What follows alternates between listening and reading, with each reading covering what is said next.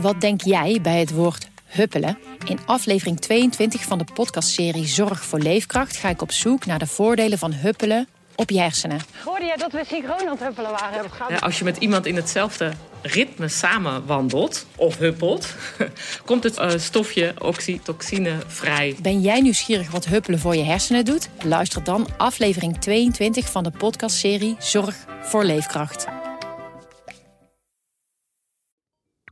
Het is woonwagenbewoners een doorn in het oog. Terwijl gemeenten moeten zorgen voor meer woonwagenplaatsen, gebeurt dat vrijwel nergens. Uit pure onwil, stellen critici. Waarom krijgt deze groep niet de plek die ze verdient? Je luistert naar Moet je horen, waarin we bijzondere verhalen van de Stentor aan je voorlezen. Met in deze aflevering de pijn van woonwagenbewoners, een vergeten groep. Als klein jongetje reisde Lammert de Ruiter met zijn ouders in een woonwagen door Nederland. In de winter werkte zijn vader in de kolenmijnen of hoogovens en in de zomermaanden trok hij als venter langs de deuren. Dekens, klokken, stoelenmatten, van alles bracht zijn vader aan de man. Tot het reizen plotseling stopte. Het mocht niet meer. De kleine Lammert belandde met zijn familie op een groot woonwagenkamp aan de Kleine Meenweg tussen Harderwijk en Hierden. Ruim 100 woonwagens in een weiland, dicht op elkaar en aan het zicht ontrokken door rijen bomen. Tot het ook hier stopte en het woonwagenkamp in 1987 op last van de gemeente werd ontmanteld. Er bleven in Harderwijk zes kleine kampjes over en nog maar de helft van het aantal woonwagens. De ouders van Lammert de Ruiter gingen noodgedwongen in een normaal huis wonen. En zo konden de kinderen een woonwagen betrekken. De Ruiter en zijn vrouw Leida kwamen op het kampje aan de Slauerhofstraat terecht. Pas op, ik waak voor mijn baas, staat er op een bordje aan de houten poort. Op de binnenplaats ligt Rotweiler Rijlo in de zon. Even kijkt hij op, maar dan gaat hij snel verder met zijn dutje. Je ziet er gevaarlijker uit dan hij is, zegt de ruiter lachend, terwijl hij aan een tafel gaat zitten op de veranda die als woonkamer is ingericht. Aan de muur hangt een schilderij van een oude woonwagen, een Zelmer, naar de plaats in de achterhoek waar die caravans werden gemaakt. Opa reed ermee rond, met paarden ervoor, zegt de ruiter, die inmiddels 62 jaar oud is. Op de Slauerhof staan tien woonwagens. De bewoners zijn familie van elkaar. Neven en nichten, ooms en tantes. En drie kinderen van de ruiter wonen hier ook. Twee anderen wonen in een huis. Over hen zegt de ruiter: Het is ze niet gelukt een eigen standplaats te krijgen. De meeste van de woonwagenbewoners, die ook wel reizigers worden genoemd, wonen noodgedwongen in een normale woning. De ruiter vertelt: In Harderwijk zijn de afgelopen 40 jaar misschien wel 5000 huizen gebouwd. En daar zit niet één standplaats bij. Zo is het overal in Nederland gegaan. We zijn een vergeten groep. Harderwijk telt 56 standplaatsen en zo'n 180 mensen wonen in een woonwagen. Maar ruim 400 mensen die van oorsprong woonwagenbewoners zijn, zijn veroordeeld tot een stenen huis. Velen zitten daar tegen hun zin, vertelt de ruiter. Ze zijn ongelukkig omdat ze niet in familieverband kunnen leven volgens onze cultuur en tradities. Het maakt mensen depressief en ziek. Maar na jaren van frustratie slort er hoop voor de woonwagenbewoners in Harderwijk. De gemeente werkt aan een plan voor een nieuw woonwagenkamp met 85 standplaatsen. En dat is voor Nederlandse begrippen een uniek project. Maar daarover hoor je later meer. Eerst gaan we terug naar 2018. In dat jaar krijgt Nederland een harde tik op de vingers van het Europees Hof voor de Rechten van de Mens. Gemeenten mogen niet langer een discriminerend zogeheten uitsterfbeleid voeren en het aantal standplaatsen verminderen. En die praktijk is dan al jaren gaande. Jongeren die een eigen woonwagen willen, kunnen die niet krijgen.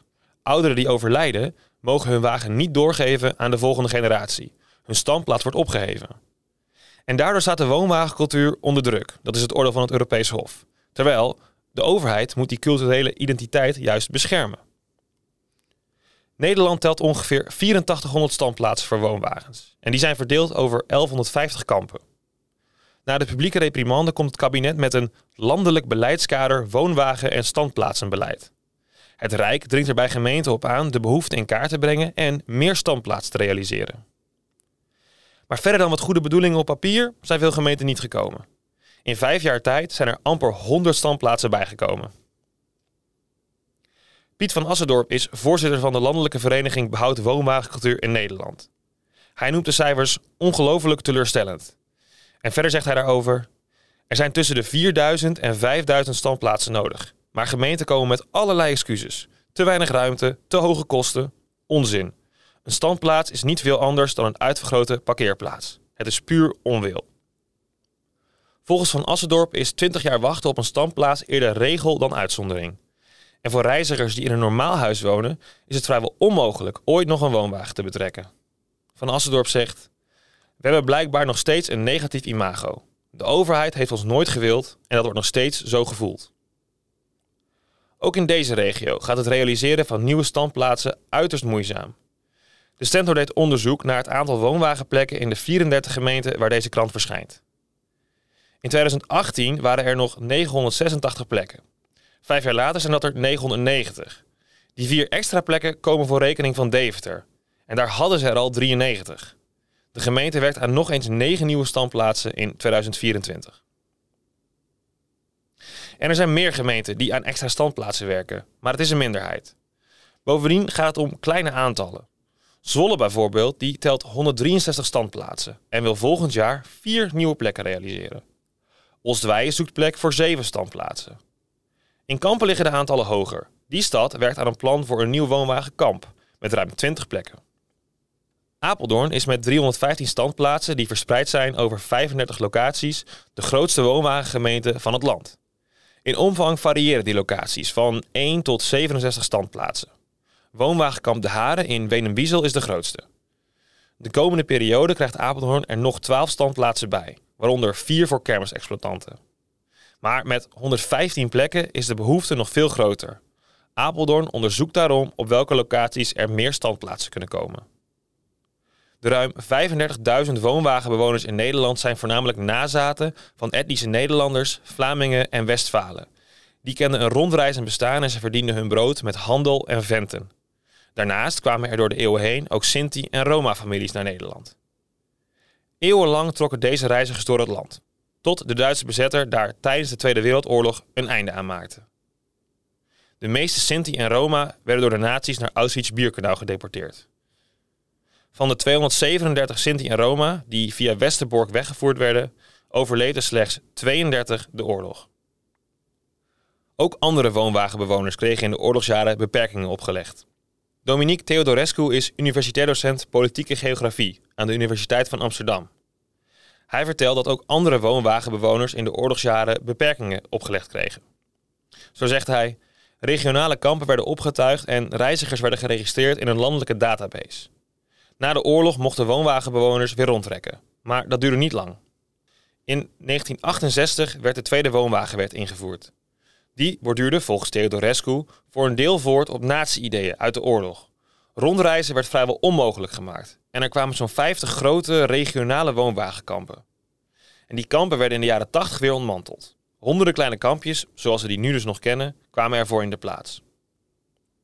Een verklaring voor het discriminerende uitsterfbeleid en de moeite die het gemeente ook nu nog kost om voldoende standplaatsen te creëren, ligt volgens Theodorescu voor een deel besloten in de stigmatisering van woonwagenbewoners.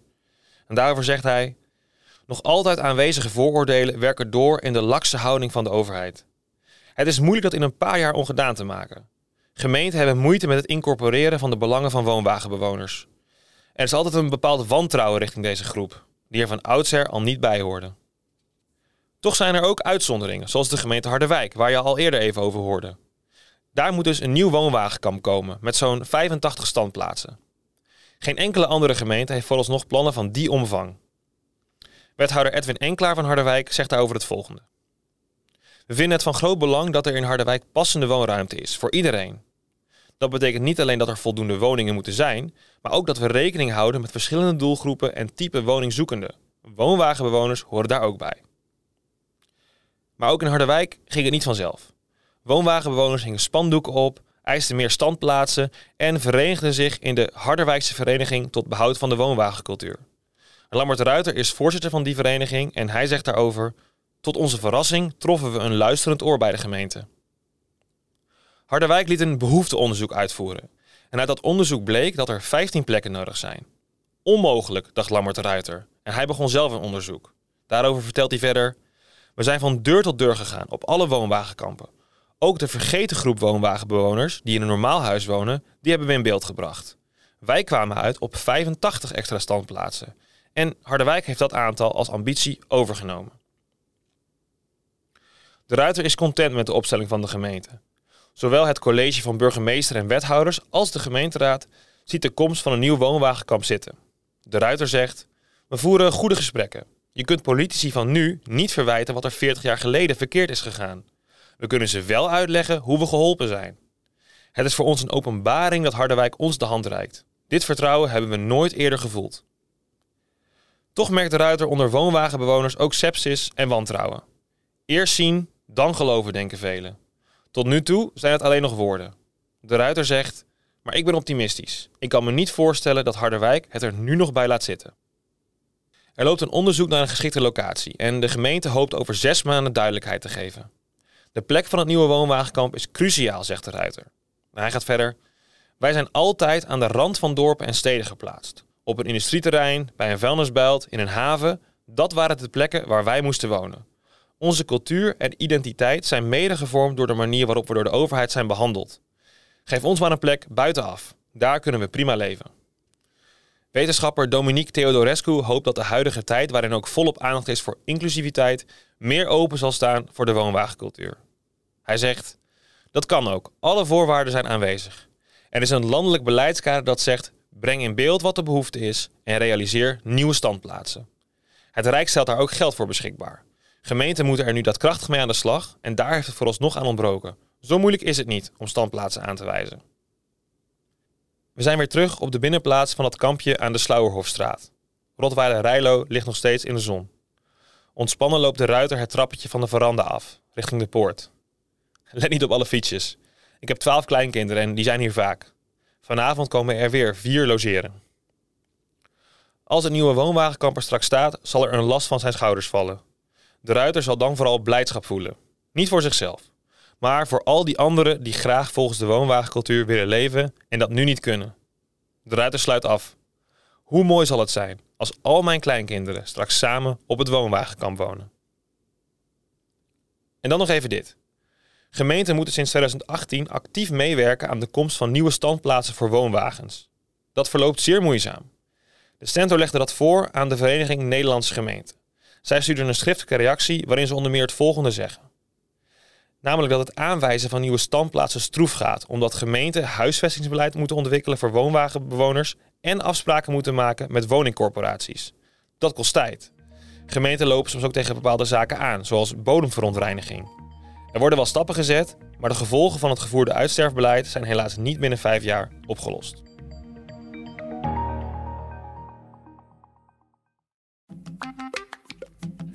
Wat denk jij bij het woord huppelen? In aflevering 22 van de podcastserie Zorg voor Leefkracht ga ik op zoek naar de voordelen van huppelen op je hersenen. Hoorde jij dat we synchroon aan het huppelen waren? Ja, als je met iemand in hetzelfde ritme samen wandelt of huppelt, komt het uh, stofje oxytocine vrij. Ben jij nieuwsgierig wat huppelen voor je hersenen doet? Luister dan aflevering 22 van de podcastserie Zorg voor Leefkracht.